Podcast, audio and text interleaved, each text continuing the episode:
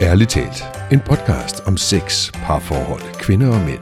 Med seksologerne Linda Moos Hansen, Fie Kolding og Michael Frey. Hej og velkommen til podcasten Ærligt talt. Jeg hedder Michael Frey, og jeg er seksolog og parterapeut. Og det er Fie også. Hej Fie. Hej Michael. Den smukke Fie Kolding, der har været på ferie, ses tydeligt på kuløren. igen Hvor er igen. du dejlig at se på i dag, Fie. Tak lige meget, Michael. Mm. Vi skal tale om sex i dag. Altså det, eller det gør vi jo Surprise. stort set altid. Men vi skal tale om, hvorfor det er så svært at tale om sex mm. i dag. Hvorfor der stadig er tabuer, og, eller hedder det tabuer eller tabuer? Øh, ja, det er et godt spørgsmål. Godt. Okay, jeg siger tabuer så, omkring det, og sexlegetøj og så videre. Ja, det er som om, det er lidt skamfuldt. Ja, det er det. Og for at, øh, at få nogle andre øjne på den snak, hvis man kan sige sådan, eller andre læber, kan det være det, når vi skal tale om det, så har vi taget Anne-Louise Krogsgaard med. Mm. Du er direktør for Shameless.dk, Det er rigtigt. En nystartet virksomhed, der blandt andet sælger sexlegetøj. der blandt andet sælger sexlegetøj. Mm. Og øh, vi faldt jo over jer, fordi I virker som nogen, der prøver at gøre det her med sexlegetøj og starte snakken om sex på en lidt anden måde, end de andre på markedet måske gør. Ja, men det som er øh, vores mission og grunden til, at jeg har sagt ja til det her job, det er øh, det der med, at missionen er, at man skal lære at tale om sex, uden det bliver skamfuldt. Ja. Og man skal se det som noget nydelsesfuldt, øh, og man skal være oplyst omkring alt det der med som ung, både at kunne sige til og fra, og som ældre og få noget inspiration til sexlivet gennem hele livet. Så, så det der med, at man er mere åben omkring det, øh, og det ikke er belagt med skam, det er det alt, alt for meget. Så det er vores mission, udover at stille sexlegetøj, det er at være sådan et, hvad kan man sige, oplevelses, oplysningsunivers, hvor man går mm. ind for at få viden omkring sex og samliv gennem hele livet. Ja. Mm. Og hvad, hvad er historien bag sådan en, en sexlegetøjsforretning plus oplevelsesunivers?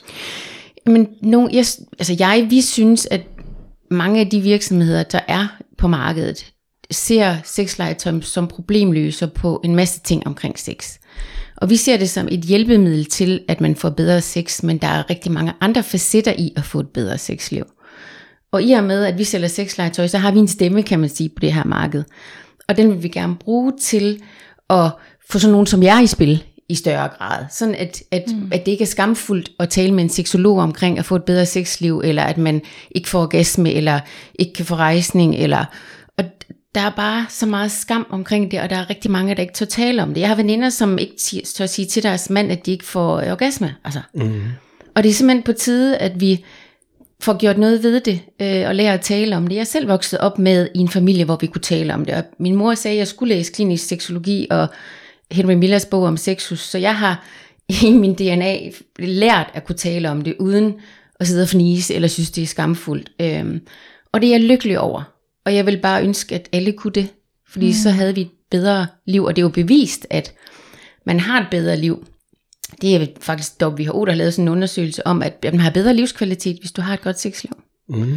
Så jeg synes simpelthen, øh, at det, vi skal skamme os over, at vi ikke taler om det. Ja. Øhm, I højere grad. Øhm, ligesom vi taler om ja, at gøre noget ved det, ligesom vi gerne vil tabe os, eller have et bedre job, eller sådan noget. Men så tænker jeg, at det der med at få et bedre sexliv, det kunne være et mål i sig selv. Det, øhm, det vil jeg egentlig gerne opfordre til. Det kunne det da sagtens. Ja, Jamen, jeg stemmer i. det, det gør vi begge to. Hvad har det gjort for dig, at, at, at, at være vokset op med en mor, hvor man altså, kunne tale om de her ting? Hvad har det gjort for dit liv? Jamen, det har bare gjort det nemmere. Øhm, også i forhold til min omgangskreds, og i forhold til mit eget sexliv. Øhm, og min egen krop for den sags skyld. Øhm, og jeg ved nemlig for den der analyse Sexus, der blev lavet tilbage i 2019, at specielt mange unge piger har noget omkring kropsskam. Og det talte jeg faktisk en del med min mor om, fordi jeg synes, jeg var tyk og grim og alt det der, da jeg var ung. Og det kunne jeg jo så tale med hende om heldigvis. Mm-hmm. Øhm, og så også det der med første gang, det der med at kunne sige til og fra, og vide, hvad der er rigtigt og forkert, og, og det lærte jeg jo også i den der klinisk seksologi. Øhm, fordi man, man hører så meget, men hvad er rigtigt og forkert? Øhm, det har jeg også lært ved, at jeg har fået den viden som, som ung, øhm, og stiller spørgsmålstegn til alting, og i øvrigt har et åbent sind omkring alles, at altså man skal anerkendes for den, den sex, eller den, hvad kan man sige, øh, sex man har, Mm. Eller seksualitet. seksualitet man har, ja, undskyld, ja, ja. du det vil sige. Ja. Og det var jo virkelig også sådan, at, at vi kom i kontakt med dig. Ja. Fire af jer, vi er jo medlem af Dansk Seksologforening. Mm. Og dem har I jo taget fat i. Ja. For ligesom at sige, kunne vi ikke lave noget samarbejde omkring det her med at gøre det okay, eller mere okay at tale mm. om sex, og, og lave nogle podcasts, og skrive nogle artikler, og altså for, på, på jeres side. Mm. Er det ikke rigtigt? Det var så vildt, fordi ja. at jeg var inde og kigge, så tænkte jeg bare, at vi skal have nogle samarbejdspartnere, fordi jeg har ikke, slet ikke nogen baggrund inde i den her branche her. Og så tænkte jeg, men hvem, hvem ved noget? Det gør Dansk Seksologforening. Og så da jeg læste missionen og hvad, hvad det er, I vil, så, så er det jo nærmest det samme. Og så tænkte jeg bare, men jeg vil også gerne have, at alle bliver anerkendt for den seksualitet, det har, eller det vil shameless. Mm-hmm. Så, så vi har startet et rigtig fint samarbejde op på alle mulige måder med øh, ja, podcast og artikler og noget test, du har fra din side øh, omkring øh, kings og fetish og sådan noget. Det er jo, mm. øhm, og jeg har jo bare, ligesom I har, en, en, en ambition om, at man skal oplyse danskerne om alle mulige facetter af sexlivet, og så i øvrigt også lære danskerne at tale om det, uden skyld og skam. Ja. For hvorfor er det, at der er så meget skam på, på køb af sexlegetøj? Altså jeg ved, der er nogle mennesker, især øh, bestemte aldersgrupper, som har det meget stramt med sexlegetøj. Mm. Er, altså, er, det, er det beskidt? Er det billigt? Er det, hvad, hvad er det? Jamen, Ved nu er, det? jeg jo så, altså, nu er jeg jo selv 50, øh, og jeg ved, at mange i min øh, aldersgruppe synes, det er primitivt.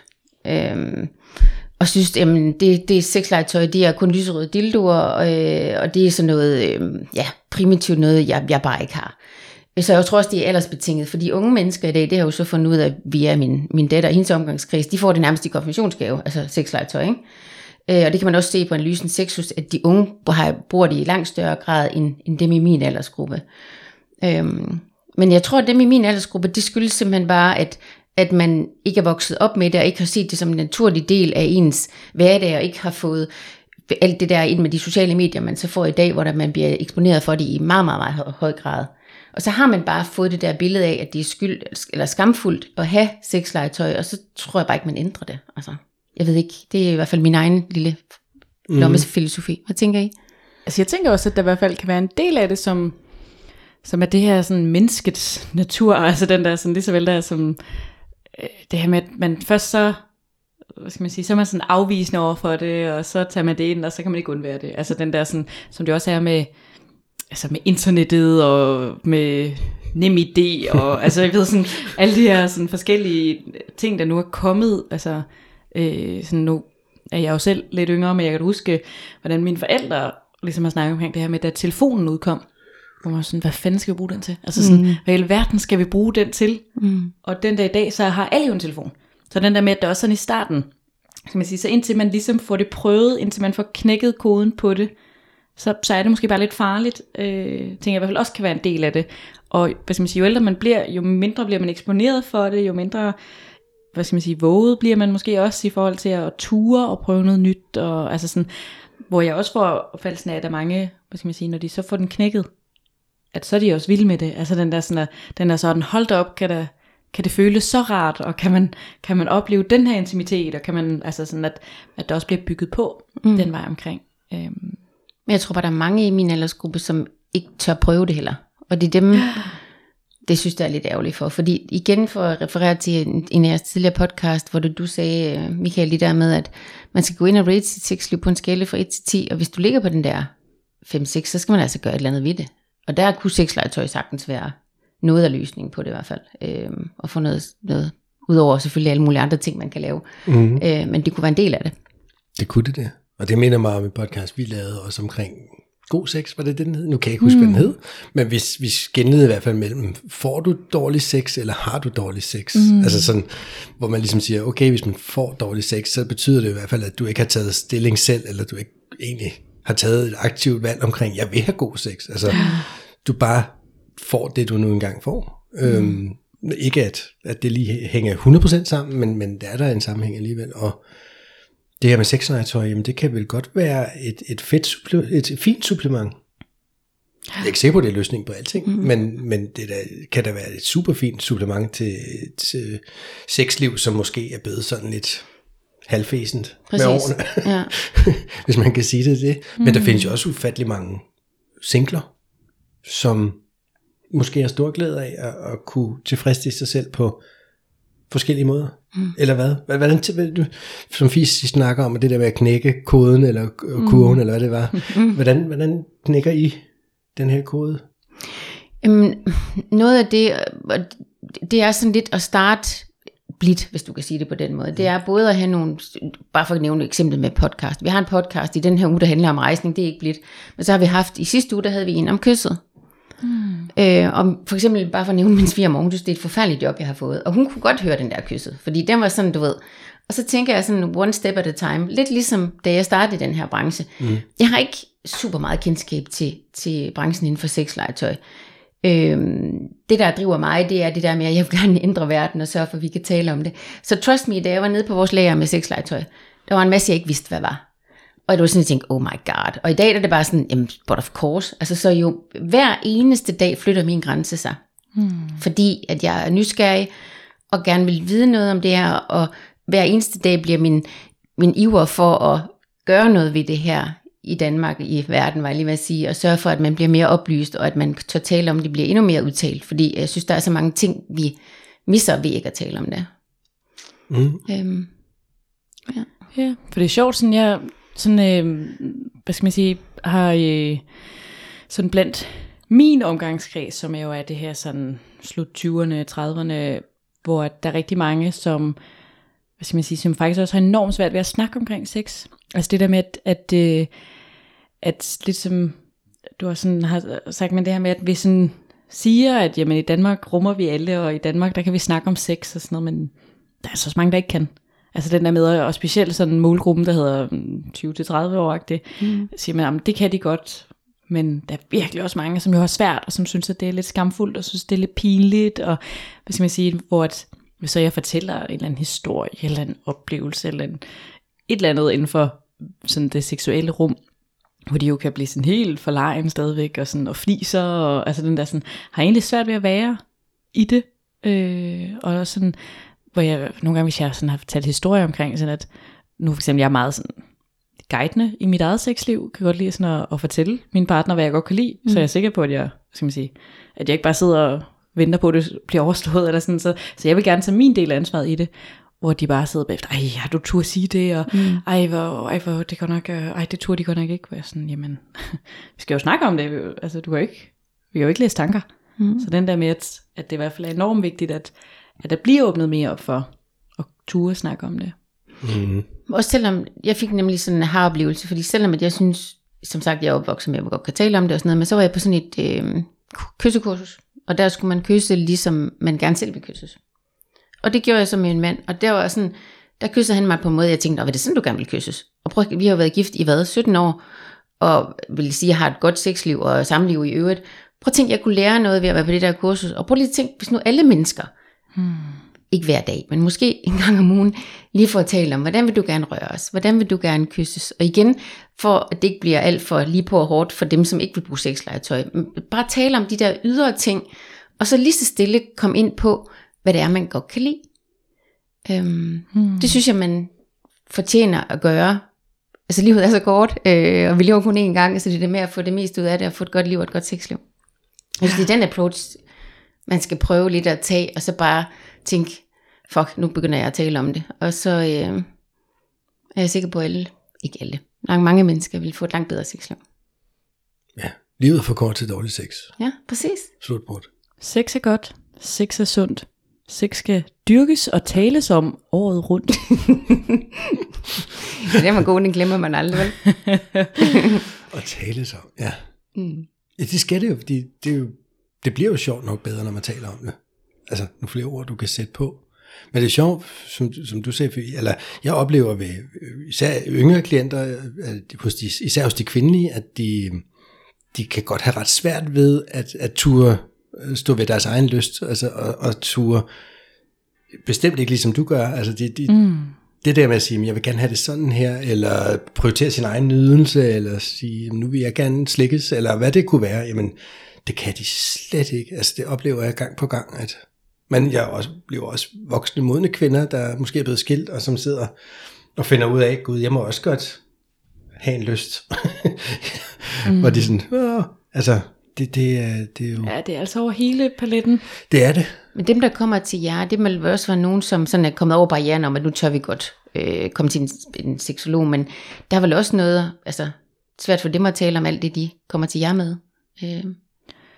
Ja, altså sådan, når det, det er meget forskelligt, sådan, hvad skal man sige, hvornår i processen de opsøger mig i hvert fald. Altså den der sådan, er det, er det noget, de har taget tilløb til i det sidste år, eller er det sådan en, øh, shit mand, nu har jeg oplevet det her i weekenden, så nu ringer jeg til hende mandag morgen. Eller sådan, altså den der sådan, at der kan være ret stor forskel, sådan, hvor meget de har, hvor, hvor stort det har været for den at tage kontakt for eksempel. Mm. Og, og ligesom indrømme over for sig selv, at okay, jeg har faktisk brug for noget hjælp til noget, og skal også være en stor del af det. Og, og så det der med, at det skal være til en, en seksolog. Uh, det ja.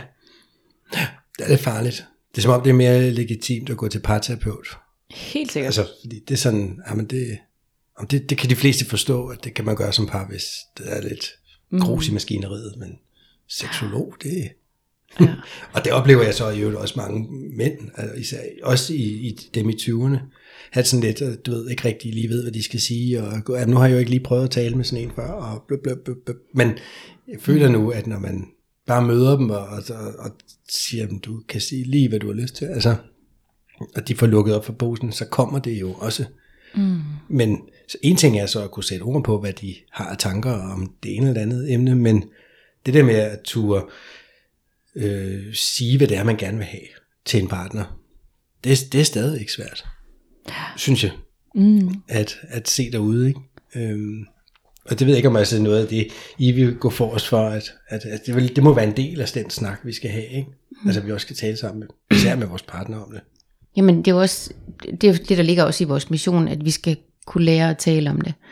Og det er jo noget af det, som jeg synes, altså der bliver skrevet rigtig meget i, i bladene og sådan noget, men mm. der er faktisk ikke ret mange, jo der er et par podcast, den her som en af dem, som taler om det, uden at det bliver sådan noget hed og pik og patter og fnis og sådan noget. Der, der er ikke særlig mange, der taler om det på en seriøs måde, og jeg, specielt når man oplever det i uh, tv, der så jeg noget God Aften Danmark, mm. hvor man skulle omtale nogle artikler og noget, hvor både verden og dem, som skal sidde op og kommentere på det, sådan halvfniser og du ved, øhm, så, så bliver det jo skamfuldt at tale om. Og, og en anden ting er også, øhm, nu kan jeg selv huske, at jeg havde seksualundervisning i skolen, det er godt nok mange år siden, men også min datter lige har haft, øh, hvor vi, lærerne der, de står der sådan helt, øh, du ved, øh, ikke rigtig tør sige noget, og prøver at mm. tale så lidt om det som muligt, og slet ikke har det godt med at stå der og fortælle om, om, øh, om kroppen og seksuel, og give den her seksuelle undervisning i øvrigt. Mm. Øhm, ja, så vi, så vi kæmper rigtig meget for, og det ved jeg også, at det ligger jeg meget på sinde, det der med, at, at vi sørger for, at de unge mennesker, øhm, og vi jo også min aldersgruppe, kan, kan tale om det, og, øhm, øhm, og ikke får et, et eller andet forkvaklet forhold til, hvad det er. Øhm, ja. Men det kunne også være sjovt egentlig sådan at, at sådan starte helt fra start af, synes jeg.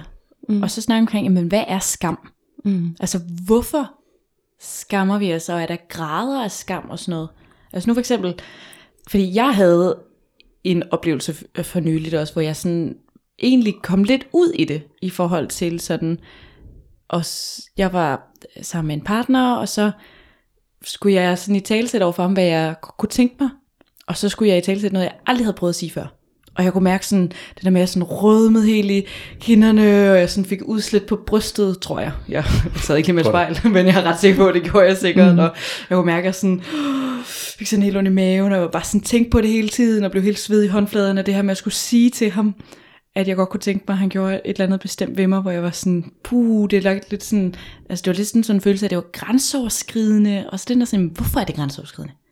Hvorfor er det, altså er det fordi jeg er bange for, at han, han ser ned på mig, eller er det, at han siger nej til det, eller, altså den der sådan, hvor er det, hvad er det lige, der ligger i den der skam? Altså sådan, mm. det må jo være en eller anden form for forkerthedsfølelse, mm. tænker jeg. Jeg ved ikke, hvad I sådan tænker om, hvis man kigger på, på skam, sådan jeg tror også, grænsen er forskellig for, fra person til person. Øhm, fordi du har, som du siger, ikke problemer med at tale om det. Det har jeg så heller ikke. Men, men der vil også være nogle ting, jeg vil nok synes, ville være svært at tale om, som jeg ikke havde talt om før. Igen det der med, at vi taler om, hvem begynder at skal have sex, og hvordan får man folk i gang. Det er måske at starte lidt blidt. Så, mm. øhm, så jeg tror, der er forskellige grænser alt efter, hvem man er, og hvad man har prøvet, og hvad man er til, og hvor langt man er i sin seksuelle udvikling. Mm. Øhm, Ja, altså jeg hen- tænker, det handler meget om, at det, det handler om, at man er bange for at blive gjort forkert. Altså på en eller anden måde. Om man på et eller andet tidspunkt i livet måske har oplevet noget lignende, eller hvad ved jeg, og, og, og, og kan relatere til, at gud, det her det er forkert. Øhm, og, og man er bange for, hvordan vil de andre nu se mig, hvis jeg siger det her, eller øhm, står ved et eller andet, ikke? eller udtaler mig om noget, som jeg ikke ved en skid om, eller whatever. Ja. Eller bare er ærlig omkring et eller andet. Så det, det handler meget om, tror jeg, at man er bange for at blive gjort forkert. Ja, for det var i hvert fald sjovt, den der sådan, at, at, øh, at det ligger mig meget naturligt at snakke åbent om det. Og så alligevel, på, så var jeg sådan, holdt op, jeg har en blokade her. Jeg var sådan, ej, hvor spændende. så det er sådan, så jeg følte i mig sådan, uh, lige en lave en analyse her. Men at, øh, at, at den der sådan lige at prøve det, sådan, øh, hvad skal man sige, fordi at, at det er jo det, så bliver man bare vant til, at man kan. Eller sådan, mm. Men den der sådan lige få den selv, hvor jeg sådan, puh, det er godt nok faktisk, det var enormt ubehageligt at have den der følelse der. mm, Og så at jeg jo bare mega stedig, så jeg overvandt jo og i talesat det. Men, men den der sådan at lige at, at, at få brudt det der, altså sådan skam, tabu, element af det, og det der med at sige det højt. Altså fordi, havde han nu bare gjort det her, så havde jeg jo bare synes det var mega fedt, fordi så havde jeg ikke behøvet at sige det til ham, eller hvis jeg måske kunne have skrevet det til ham inden, så havde det også været okay med det der sådan, vi ligger sammen, og nu skal jeg sige det til ham ansigt til ansigt. Øhm, Mm. synes jeg egentlig er meget altså sådan, og det er jo den, den kommer jo i forskellige grader, og den kommer i forskellige sådan, volume i forhold til, jamen er det, er det, er det skamfuldt at, at sige, jeg har lyst? Altså, er det der vi er, eller, sådan, eller er vi henne i at, at i tale sætte en meget sådan specifik seksuel oplevelse, man godt kunne tænke sig? Jeg vil gerne slikke sin numsen. Det kunne det være. Ja, det synes jeg også er sjovt, at der er så mange, der har svært ved at sige det. bare, for, bare dengang jeg fik det her job, bare det at sige orgasme til kundemøde for at fortælle, hvad vi laver, synes jeg var svært. Og i øvrigt stadigvæk, når jeg bliver spurgt af mine børns øh, legekammeraters forældre, Nå, hvad laver du så? Jamen, jeg er direktør i en virksomhed, der sælger sexlegetøj. Altså, det er ikke sådan lige, du ved, ligesom før, hvor jeg var i Matas, vel? Altså, det er, skal lige sådan. Så jeg tror, det, det er ikke så meget, fordi jeg er usikker på mig selv, eller hvad jeg laver, men det er mere sådan, hvad den, deres reaktion er. Mm. Øhm, faktisk. Mm. Så den, den kommer jo i mange former, Ja. ja. den der sådan, altså, og så er det jo sådan, jamen er det så kraftigt, at jeg vil kalde det skam, eller er det bare sådan ubehag, eller akavethed, eller, eller hvad kan Ja, sådan ja, bygge op ikke. til. Men, men det er jo i hvert fald, altså sådan, altså jeg tænker sådan over kategorien af det er jo skam, og så mm. kan det jo se ud på mange måder. Men jeg tænker, at, at 100 procent. det er lidt den der sådan forkerthedsfølelse, bange for at blive dømt, bange for jo, hvad skal man sige, et eller andet sted at blive udstødt i sidste ende jo. Altså at man, at man mm. ikke bliver godkendt, at man ikke er okay. Altså helt nede i den der indre frygt, vi jo har. Ja, man kan sige, at skam er en, er en signalfølelse, ligesom skyld er. Altså, alle vores følelser er i princippet signaler, men, men især skyld og skam er signalfølelser, hvor skam, som jeg tænker, det handler meget om, at man skal kigge på, der er en eller anden relation til dig selv, du skal have fikset. Altså der er et eller andet, øh, hvor du ikke helt er aligned omkring du ved, Mm, holdninger hvem du er. Og, og moral, hvem du er, og, og det, det bunder jo typisk i, at du på et eller andet tidspunkt har lært noget er forkert, og du står du der i det her det dilemma omkring, åh, jeg vil ikke være forkert igen, øhm, og få kigget på det, ikke? Hvad, hvad er det, der ligger bagved den skam? Fordi jeg tænker alligevel, der er en god skam og en dårlig skam. Altså, den gode skam, tænker jeg, er den, der lidt holder os som gode mennesker. at vi ikke bare render rundt i, i, i verden og, og agerer øhm, 100% som vi har lyst til. Jeg kan godt lide tanken om at være skamfri, shameless, mm.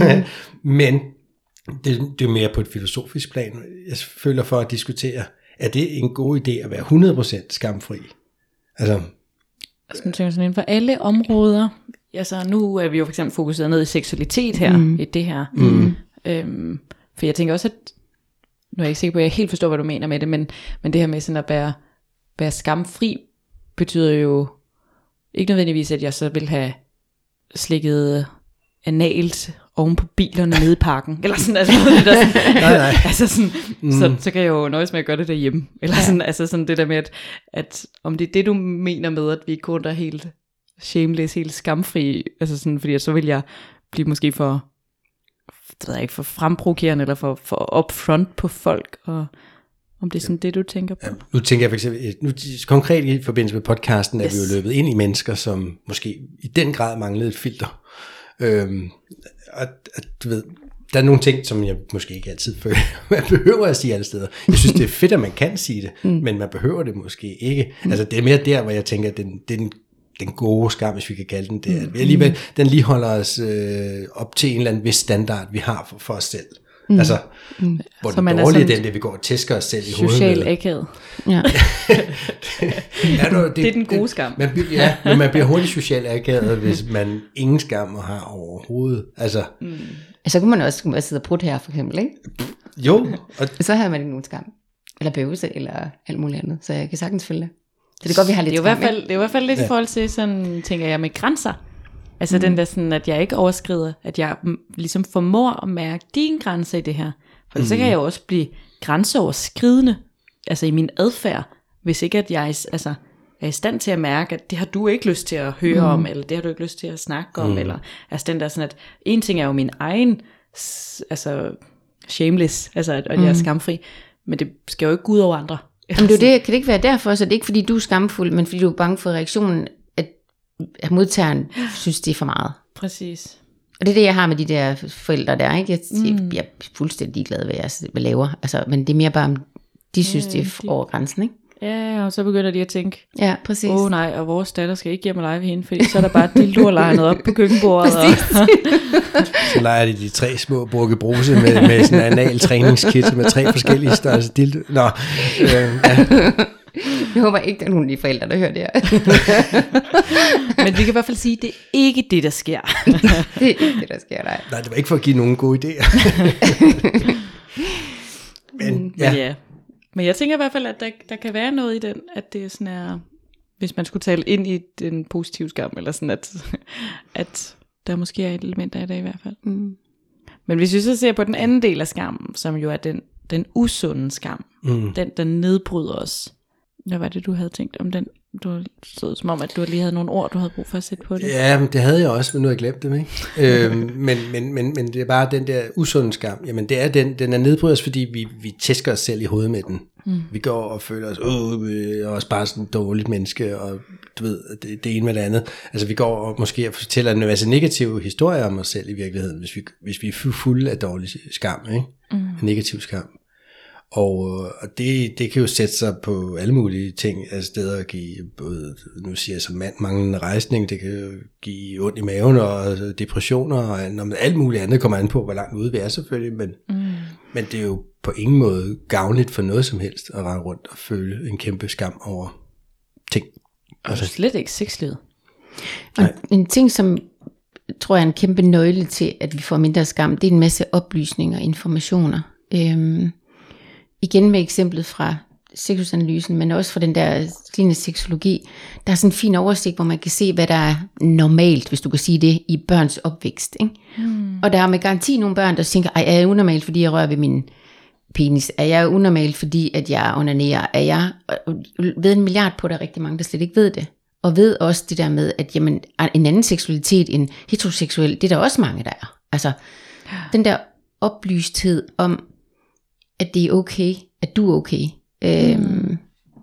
Den, den, øh, og det er det, vi, som jeg tænker øh, ved seksualundervisning i skolerne, øh, kunne nok til at trænge til en lille upgrade i forhold til, at man som allerede som ung bliver klædt bedre på til, hvad der er rigtig forkert. Øh, øh, ja, hvordan man kan sige til og fra øh, ens egen krop, øh, ja, den anden, den anden køns krop, øh, hvordan får man en orgasme, hvordan bliver man gravid, øh, sociale medier, alt muligt, som, som jo bliver, men er jo endnu mere oplyst nu, end, end vi var, det vi var mm.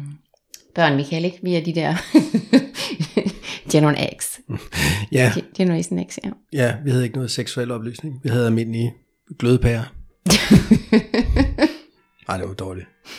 Sorry. Godt. Øh, Men jeg tror, du har ret ja. i, fordi at, at det, som jeg for eksempel også tænker, altså som jo taler ind det her, det er, at for eksempel det her med, med øh, seksuelle øh, overgreb og hele det her MeToo, og altså sådan det der med, det fik jo en, en kæmpe øh, belysning, og det var noget, der kom ud i hverdagssnakkene, og ud og blandt familiesomkomsterne, man snakkede om det, og i skolerne, og altså sådan, det fik jo virkelig sådan lov til at komme ud. Og så kan det godt være, at det, hvad skal man sige, burde have lov til at fylde endnu mere stadigvæk, og at det ikke sådan dør hen. Men jeg tænker bare det, at det lige havde sådan et hvad, to års peak eller noget, hvor mm. det lige fik lov til at dominere rigtig meget, har også gjort, at der er mange flere, der for eksempel er bedre til at se grænser, eller som ved, at okay, jeg behøver ikke at finde mig, altså jeg har fået flere klienter ind, som er kommet efter det, hvor de sådan, ligesom også siger sådan, jamen det var først der, jeg fandt ud af, at jeg var blevet overgrebet for fire år siden. Mm. Altså den er sådan, de vidste ikke, at de jo, altså, og så fordi at de har fået den indsigt, at de jo også, hvad skal man sige, altså skal jo ind og bearbejde det nu, fordi at, at, at lige pludselig så er det ikke dem, der var noget galt med nu. Altså sådan, mm. at den der, lige pludselig er der kommet sådan et andet syn på det. Så den der med, at nu tør de faktisk at stå ved, at, at det var ikke okay. Og de har ikke vidst, det ikke var normalt, vel? For det er jo sikkert den de har nemlig ikke opvækst, vidst, de har at- fået. ja. Så den der med, at, at det tæller bare lidt ind i den her med, jamen jo mere oplyste vi bliver, mm. jamen, jo, jo nemmere er det også at gøre noget ved det, jo nemmere mm. er det at ændre noget, jo nemmere er det at, at skifte retning i forhold til der, hvor man er. Jeg synes desværre manglede der en del af den snak, og det var omkring, jamen hvad gør vi så? Altså, øhm, hvordan, hvad er de nye regler mellem mænd og kvinder? Altså, mm. Fordi vi kan være enige om, mange af de ting, der kom frem, er jo på ingen måde i orden. Men der er så mange ting, hvor man kan sige, hvad, jeg, jeg kender til mange mænd, som er bare bange for, hvad, mm. hvad må jeg så? mm. må jeg sige, at der er en, der er pæn? Og, og du ved, jeg læste et opslag fra en, der havde fået et kompliment i en buffet til et eller andet netværksmøde, og, og en dame, hvis der stod ved siden af og hørte, at han havde sagt, at hun var smuk, øh, trådte ind og, og var farvet over, at han stod sådan og sagde sådan til hende og alt muligt. Og jeg bare tænkte, oh, okay, hvis man ikke engang må sige, gud, hvor er du smuk. Altså, du ved, hvis man har lyst til det, hvis det kommer fra et ærligt sted, hvad, hvad, hvad må man så? Mm. Øhm, men, og heldigvis hende, der fik komplimenten, hun kunne faktisk godt lide det. Mm. Så hun sagde også, at det gør mig overhovedet ikke noget, og tak til ham der. Og sådan, det, altså, men det viser jo også bare, at der er vidt forskellige opfattelser af, hvad man så må og ikke må. Og jeg føler, at den del af snakken er blevet udladt på en eller anden måde. Der var, Hvad faktisk, gør vi så? der var faktisk også, Sex og Samfund har lavet en konklusion på debatten omkring, mm. hvad der var godt og hvad der var skidt. Og der øhm, er der faktisk rigtig mange unge mennesker, igen din generation, mm. øhm, som faktisk har ladet være med at følge debatten, for de synes, det var sådan for unuanceret. Det handler kun om, at de kvinder, der bliver forulæmpet, der er jo også nogle mænd, der er blevet øh, krænket. Og så netop, som du siger, det der med, jamen, så, må man jo ikke noget. Det er jo nærmest, som du siger, man kan ikke engang give et kompliment til en kvinde, uden at man føler, at det er MeToo, så det må være svært at være mand, synes jeg, øh, i, i det her. Øhm, og samtidig så sagde de også, øh, de unge mennesker, at debatten den var meget med udgangspunkt i, i min aldersgruppe. Så den måde, som de unge taler om det på, og det de oplever i deres hverdag, bliver slet ikke talesat.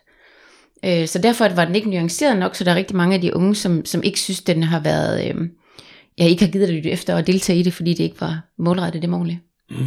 Det var i hvert fald den konklusion, der var. Og det er jo sådan noget, altså det, det er sådan noget, jeg gerne vil, vi gerne vil her i det her rum, at ændre. Og lave debatten mere nuanceret, oplyst, øh, sådan at, ja, at vi øh, får alle facetter med. Ja. Øhm, for jeg synes nemlig, det som du siger, det er super, super synd det der. At, at jeg tænker, at rigtig mange mænd synes, det er virkelig, virkelig svært at være i, øh, hvordan de skal opføre sig over for kvinder. Det er i hvert fald ikke blevet nemmere. Nej. Øhm, Og det er jo sådan en anden side, hvad skal man sige, af, det er jo sådan en anden side af medaljen, men den der med, at, at det, hvad skal man sige, hvis man skulle se på det positive ved det, så er der jo kommet fokus på det. Mm. Det, det er noget, som ikke er skamfuldt i samme grad, så det kan godt ske, at det er forvirrende, mm. eller sådan, hvis vi skal omtale det på den måde. Men, men, men der er ligesom, fordi at det er blevet i talesat, og det er blevet sagt højt så mange gange, og politikere kendte og private og sådan, altså, så kan vi godt snakke om det nu, mm. på en helt anden måde, end vi måske kunne for fem år siden. Eller sådan, så det der med, at der også ligesom, hvad skal man sige, så, så det der med, at, at jamen, så kan det godt ske, at, at i måden øh, tingene kommer frem, jo stadigvæk har brug for noget kærlighed til at, at blive formidlet ordentligt. Mm. Øhm, men det er i hvert fald, at, at vi jo skal have det ud, altså sådan, at, at det er der, det rykker. Øh, Jeg synes også, det er fedt, Ja. der er mange flere blade, der laver annoncer og artikler om, omkring det, og temaer, og aviser i øvrigt også, øh, og, og jeres podcast og sådan noget. Det er jo sådan noget, som rykker det. Øhm, og det skal vi bare have mere af. Øhm, og mere af sådan noget ja, faktuelt, som, hvor man taler om det på en, som jeg siger, en ordentlig måde. Så det ikke bliver bliver noget, man tager afstand fra, eller synes, der er, det er skamfuldt. Så nøglen er at tale om det. Det kan man sige, uden at det er skamfuldt. Og så søge en masse, masse oplysning om det. Og så skal vi øh, som samfund sørge for, at man er oplyst som ung, og som partner igennem mange år, så skal man lige øh, stramme vesten, ikke? Ja. Men det er sjovt, fordi hvad er det med det der sex? Nu, jeg kom til at tænke på, på nogle små børn, der står, og så ser de måske to hunde og parre sig. Mm. Og, og uden at de formentlig nogensinde har fået at vide, at sex er farligt, eller skamfuldt, eller noget som helst andet, så ved de godt instinktivt, at det er de boller. Ja, præcis. Ja, uh, præcis. altså, du ved, de ved godt, det ikke er altså hverdags mm. ting. Giver det mening? Ja. Helt uden de har lært, altså så hvor fanden kommer det fra? Altså, hvor- i hvor stor grad spiller det ind på vores sådan egen akavethed omkring Mm. Altså jeg at- tænker, det? jeg tænker, at de har blevet påvirket.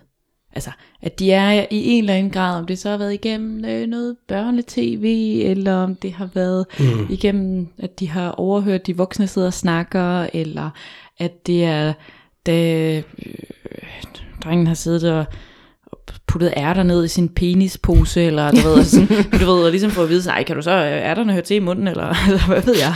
Altså sådan, at du ved, sådan, så får, Det var noget, det var et sjovt billede, jeg lige fik på det, det der. Ja, godt, tak. you welcome. Mm. Hvordan kom den lige fra? Ja, meget kreativ mind herovre. nu sidder du og tænker, det skal jeg prøve, da jeg går Hvor mange ærter kan du have i din forhud? kan, du ikke, kan du ikke lige skrive en sms lidt senere? Ja. Ja, jeg skal hjem.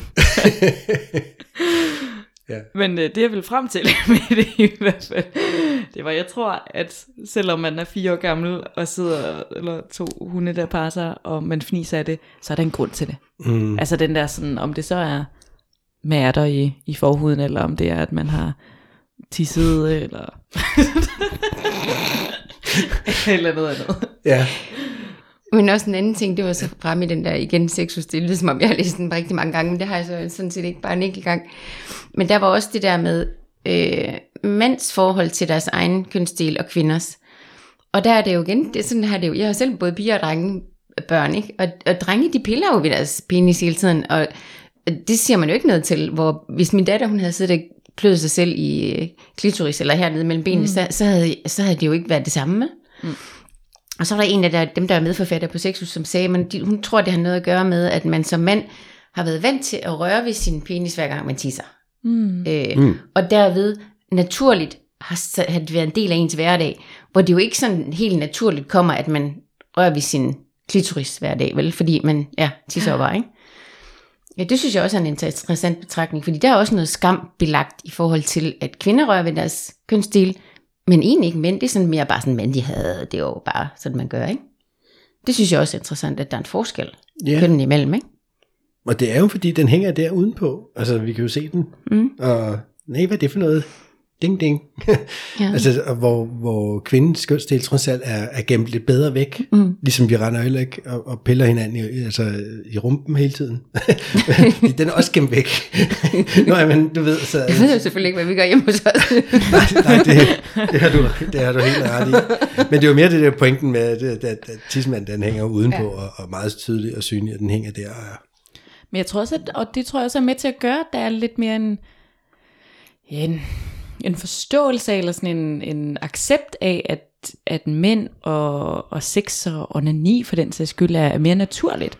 Altså sådan, jeg øh, snakkede med en kammerat den anden dag, hvor han også sådan confessede over for mig, og var sådan, at ligesom så at jamen, altså, da han var de der 10, 11, 12 år, jamen, så onanerede han sammen med sine kammerater. Altså, sådan, så så de Kanal København, og så øh, skulle de lige onanere, onanere ved siden af hinanden. Altså, det var jo ikke, fordi de gjorde det på hinanden, eller noget, eller mm. at man sådan, men, men det gjorde man bare.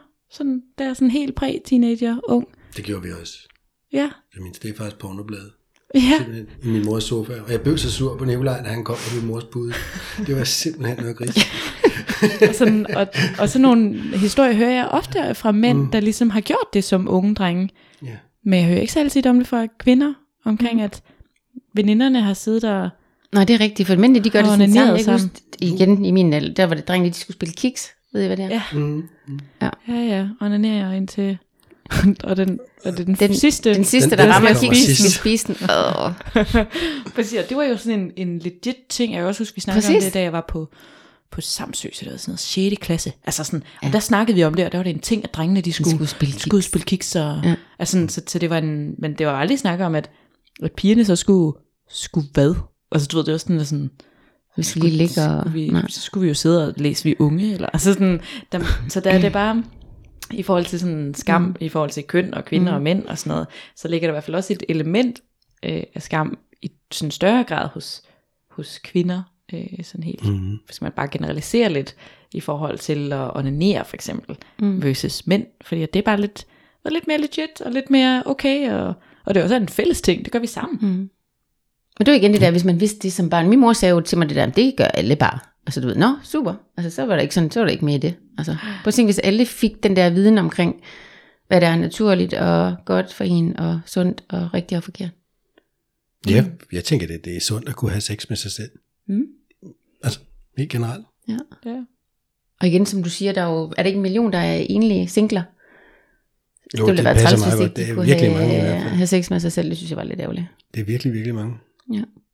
Og nu findes der jo alle mulige herlige ting og sager, både til for og bag, og, og, og hvad ved jeg jo, som kan gøre sex med sig selv, eller med mm. sin partner, lidt sjovere. Mm. Jeg ved også, du har nogle ting, du har, har hjemme at prøve. ja, det var det, jeg tænkte på. Jeg var jo ude og besøge jer og se jeres sted, mm. og, øh, og fik lidt forskellige ting og sager med hjem til, mm. til test. Mm. Og vi skal jo lave også nogle, nogle videoanmeldelser, øh, anmeldelser af det, eller sådan, hvor, hvor vi okay. snakker lidt om, hvordan, Nu får øh, jeg billeder på nethinden. hvordan ikke øh, hvor det, det nødvendigvis lige prøves Nå, okay. på live på kameraet, men, men mere sådan, hvordan det fungerer, eller hvordan man bruger tingene. Bare forklar det, fordi igen, det der, jeg er meget optaget af, fordi jeg ved, der er mange i min egen aldersgruppe, som tager virkelig meget afstand fra det. Og hvis der så er en person, der står og forklarer, jamen det her, det er en buttplug, og hvordan man bruger den, og hvad en nydelse det giver, og at i øvrigt mænd kan få den vildeste orgasme i numsen mm. i forhold til kvinder, og, og så bare fortæller om det, ja, ligesom en mascara, eller ligesom et eller andet andet, du ved, sådan helt ned på jorden, professionelt. Øhm, det ville da være meget nemmere at, at tilgå. Øhm, også en af de der, igen, de der forældre, mine børns legekammeraters mm. forældre, så sagde hun så, fordi vi har også sådan en julekalender, så sagde hun så, jamen prøv høre, hun havde da overvejet at købe den, men hun aner ikke, hvordan man skal bruge tingene. Ja, så, det, så mangler så stadigvæk bare på det oplysning. niveau, oplysning. Og det er også mm. det der med grænse. Jeg tror hele tiden, igen som jeg siger, min grænse flytter sig hver dag, fordi jeg bliver mere og mere oplyst. Øhm, Ja. og det er det, jeg synes, man skulle prøve øh, at gøre resten af sit liv, og prøve at blive oplyst, sådan at man får verdens bedste sexliv. På en skala på 1 til 10 på 10, ikke? Ja, ja, ja. For at vende Præcis. tilbage til din skala igen. Og så der uden at være grænseoverskridende. Hvis vi lige Præcis. tog min reaktion lige før den der sådan, at, at skulle se Michael afprøve de her ting på hans numse og Så sådan har noget. vi den her store dildo. sådan, så det er jo det der med, at det lidt bliver, bliver, bliver trukket ned på et, hvad skal man sige, et ikke grænseoverskridende mm. porno-univers. Altså sådan, at det er jo ikke det, som for eksempel de her videoer, det som skal, skal have som formål, at det er jo ikke er porno, vi sidder og ser på. Altså, mm. Men det er jo en professionel, der ligesom guider og vejleder og fortæller omkring, jamen, hvad, hvad er meningen med det her? Hvad er formålet? Hvad skal Hvad er egenskabet? Hvad er fordele og udbytte ved det her produkt? Øh, hvad skal man bruge det til? Øh, sådan det ikke er for at sælge sexlegetøj, for at sælge sexlegetøj, men for at sige, har du den her udfordring, den her lyst, så er det det her legetøj, du kan bruge. Øh, ja. Og så skal du ikke have det jo. Altså, det er jo det. Det er for at guide kunderne bedst muligt. Ja. Til at få det produkt, der passer dem bedst. Og så skal de nemlig høre det fra en, som kan sige det uden fordomme, uden skam, øh, og er god til at forklare det, selvfølgelig selv har prøvet det. Ikke? Mm. Og det vil vi gerne have på alle produkterne, så vi har, vi har travlt. Ikke travlt. Ja. Spændende. Mm. ja. Hvad for, hvad for nogle produkter sælger allerbedst for tiden? Det er, um, den har været bedst sælgende i Danmark i lang, lang tid. Det er sådan en Satisfyer. Pro 2. Satisfyer Pro 2. Ikke Og så- at jeg også har, Har vi den, hørt og, før. og alle mine veninder, og jeg har den udstillet herinde i klinikken, og Ja, og så har jeg så oplevet noget andet sjovt, fordi at det sted, hvor jeg får lavet øh, negle, og jeg har været til nogle kundemøder og sådan noget, så de der unge piger på de der 20-25, de har åbenbart tre, de har. Det er sådan det, tre, kan man sige, øh, så, så er man kørende, hvis man har de tre. Det er en Rabbit, og en Magic Wand, og en Satisfyer Pro 2. Så er man øh, dækket ind hele vejen rundt. Check. Og så er det så, hvis, nu har jeg jo set, hvad vi har produkter, men jeg synes også, man skal have sådan en lille bitte øh, lipstick vibrator, man kan have i sin taske. Øh, så hvis man skulle have en 4, hvis man skulle have en 5, så er der sådan noget japansk sexlegetøj, der hedder Tinka, sådan noget rigtig blødt, flot noget, som ligner sæbe og små fugle. Jeg har faktisk noget med i tasken, I kan se. det er simpelthen så dejligt blødt og flot. Øh, dem, øh, dem synes jeg også, man burde, burde anskaffe sig. Tinka. Mm. Mm. Og du har hørt om, øh, du havde en Satisfyer her i udstillet, ikke? Mm.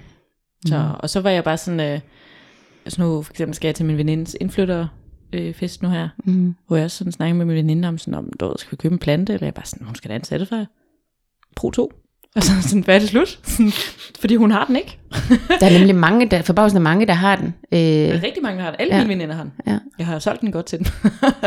og der er også mange, der kommer, og så siger de, fordi det er jo, det er jo en ny verden. Mm. Altså sådan, det er jo en ny verden af nydelse. Det er jo et helt andet niveau, og det er en helt anden følelse. Ja. Altså den der sådan, jeg vidste ikke slet ikke, jeg kunne få den her følelse. Og så er jeg også bare sådan, ja, og så prøv at tænke, hvis du brugte den sammen med din partner. Altså så, så snakker vi endnu en ny følelse. Eller sådan, altså den der sådan, at, at den jo både kan bruges alene og sammen og sådan noget. Men det var, jeg havde så heller ikke en dag, før jeg startede, og så fik jeg den, jeg fik videre også, at det var helt fantastisk, og jeg kunne ikke finde ud af det til at starte med. Men så da jeg så fandt ud af at bruge den, ikke? jeg tænkte også, som du siger, oh my god, det er alle kvinders holy grail, altså det skal man bare have. Ja, der var en, en min partner sagde til mig, var sådan, det er godt, du har din bedste ven. og ja. ja. Så hvor jeg også bare sådan, den der med, med sexlegetøj og sådan noget, hvor jeg også sådan, altså fordi at i min ven i hvert fald, så kan det mange ting, og selvfølgelig har det både nogle, kan det have nogle ulemper, det kan have nogle fordele og sådan noget, men det der med, at, at det jo på ingen måde kan erstatte heller, altså den der med, at det jo er et supplement, lige så vel som at, at så meget andet kan være et supplement, altså det der med, at det erstatter jo ikke nødvendigvis sexlivet, eller mm. ens partner ikke kan bruges længere, eller altså sådan, at det jo er lige så meget for at bidrage til relationen, sådan at, at man sammen kan opnå, fordi at, skal man sige, de fleste mennesker tænder også på, at deres partner tænder. Så den der sådan, og hvis så vi kan få lidt hjælp fra noget legetøj eller et eller andet, den er jo, den er jo bygget til det formål, hvor hans fingre og mund er jo bygget til mange andre formål, end at bare stimulere mig.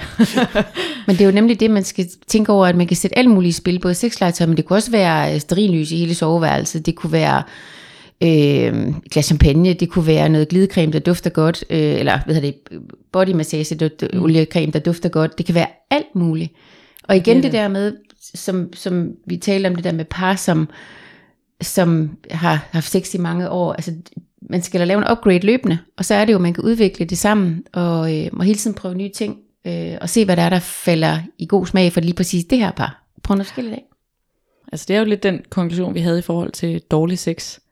Altså den der med, at man også, øh, hvad skal man sige, at man er jo nødt til at, at gøre noget ved det. Mm. Altså sådan, fordi ellers så, så har man bare dårlig sex. Altså sådan, den der, og så, så er jeg bare sådan, jamen så forstår jeg godt, at du ikke har lyst til sex, eller at, at du kun gider at have det hver fjerde uge, eller altså sådan, fordi hvis det er dårligt, eller sådan, det kan lyde hårdt, men den der sådan, så forstår jeg godt, du ikke gider. Mm. Fordi det kræver nemlig noget at have et godt sexliv. Det handler, altså det kræver noget at, lige så vel som det kræver noget at have et parforhold, der fungerer, lige så vel som det kræver noget at have en krop, som er sund, lige så vel som det kræver noget på arbejdet. Altså den der, det kommer ikke naturligt på den måde, altså det, det kræver noget. Vi kan ikke bare læne os tilbage og så sige, nu, nu kører det bare. Det kræver jo, at jeg investerer i det mentalt, fysisk, et eller andet. Altså, der er mange facetter af det i hvert fald. Så den der med at, at ligesom følge op løbende i forhold til at nå, skal man sige, et velfungerende, et tilfredsstillende, et fantastisk, formidabelt, fabelagtigt, forrygende sexliv. Jeg synes tit, jeg bruger det der ord, det der med at gøre sig umage. Ligesom man igen gør sig umage for at få et, øh, på sit job, og man gør sig umage for, at sin, ens børn får en god uddannelse, og kommer godt gennem skolen, og klarer sig godt. Alt det der. Mm.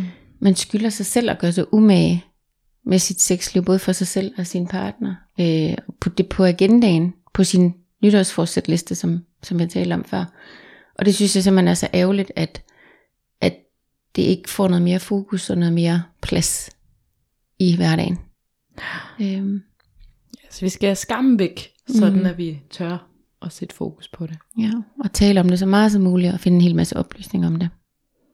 Så det vil sige, hvis så at jeg sidder og bliver lidt nysgerrig og tænker som, så går jeg lige ind på shameless.dk. Mm. Så derinde, så vil jeg blandt andet kunne finde noget forskelligt sådan sexlegetøj, øh, hvor der ligesom er lidt mere fokus på kvalitet frem for kvantitet. Mm. Mm, ja. Øh, Hvordan man bruger det i hvert fald. Mere sådan, hvordan, Ja. ja. hvad, hvad, skal, hvad det her bruges til. og så er der også øh, en række andre elementer Ja, ja. inde på hjemmesiden jo. ja. Kunne vi har øh, et nyhedsbrev, som kommer hver måned omkring, ja, hvad vores, øh, vi har faktisk noget, der hedder månedens kink. Mm. Mm. Øhm, og den her måned, der er noget omkring, man kan, der kan lide ballonger. Og så øh, har vi også en test, kink eller fetish, om man har en kink eller en fetish, og det er faktisk dig, Michael, der har udviklet den. Ja, som øh, man kan tage ind på øh, vores hjemmeside. Og så har vi også en del artikler, mm-hmm. øh, som vi kalder Shamelix. Shamelix. ja.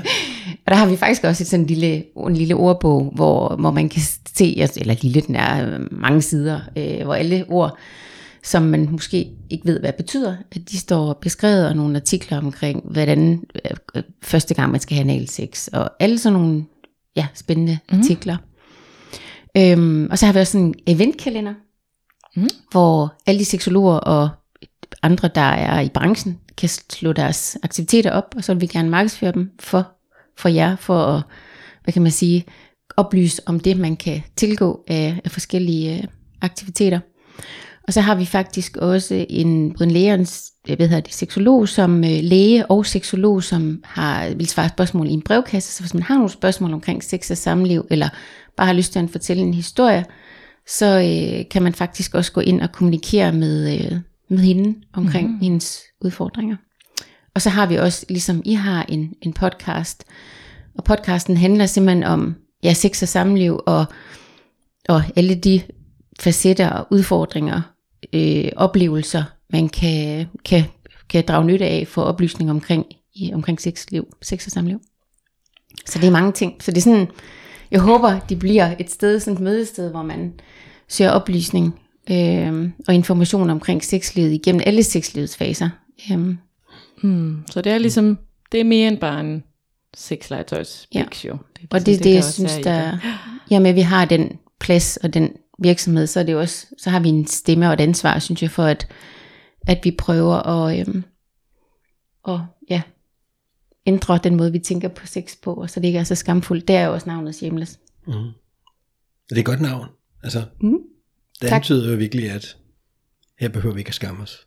Spændende. Det er meget spændende.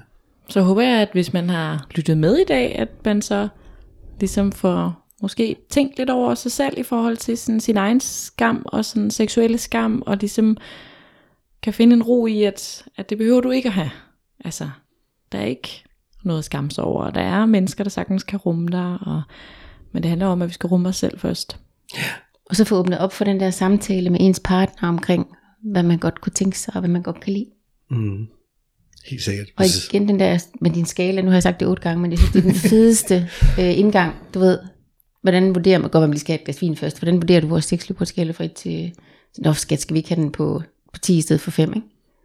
Jo, eller man ikke andet bare lige tænke over, hvad skulle der til for at få ja. den Ja. op på en 6'er eller en 7'er så, ja. hvis man er på 5. Det, nå, så skulle der måske nok... Det oplever jeg i hvert fald, at folk godt kan relatere til mm. at sige, nå, men det kan de godt komme med nogle forslag. Hvad skulle der til for at få den lidt op? Mm, præcis. Ja. Og hvis ikke de kan, så har de jo i hvert fald to muligheder. Enten så kan de gå ind på shameless.dk Mm. og finde inspiration, eller så kan de jo komme til dig og mig, Michael. Ja, det er jo det. Ja, det skal de være meget velkommen. Det vil jeg gerne hjælpe med. Ja, det skal de være meget velkommen til. Og det er jo også sådan noget, man, hvad skal man sige, det der med, at terapi for eksempel ikke nødvendigvis kun er noget, der går fra, hvad skal man sige, at vi skal have deciderede problemer, vi skal jo gå fra hinanden. Måske kan vi også bare synes, at vores sexliv sådan, det er okay, og måske vil jeg bare gerne have fucking fantastisk sex. Spice det lidt op, ja. Jo, jo, og det, det kan jo sagtens være, man går med til, følelsen af, at det er jo godt nok. Altså, det er godt, Mm. men er det godt nok? Mm. Altså, så hvis svaret er nej der, så gør noget. Om det, så bliver vi jo faktisk færdige for i dag.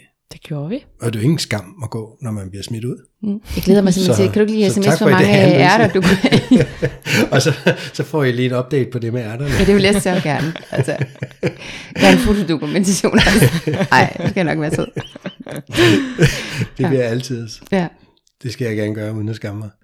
Men tak fordi I inviterede mig ind, det er jeg glad for. Det var så dejligt. Et fedt program, at har, eller en fedt pod- fed podcast. Tak. Jeg kan godt høre, at jeg har lyttet til rigtig mange af dem. Det er Ja, men det er jo fantastisk. Ja, Men tak fordi du ville komme og være med, og også dele dit perspektiv på tingene. selv tak. Og Ja. tak til jer, der lyttede med. Ja, tak Og for det. så øh, ses vi jo om en to uger tid. Det er det, vi gør. Kan I have det? Hej Hej. hej.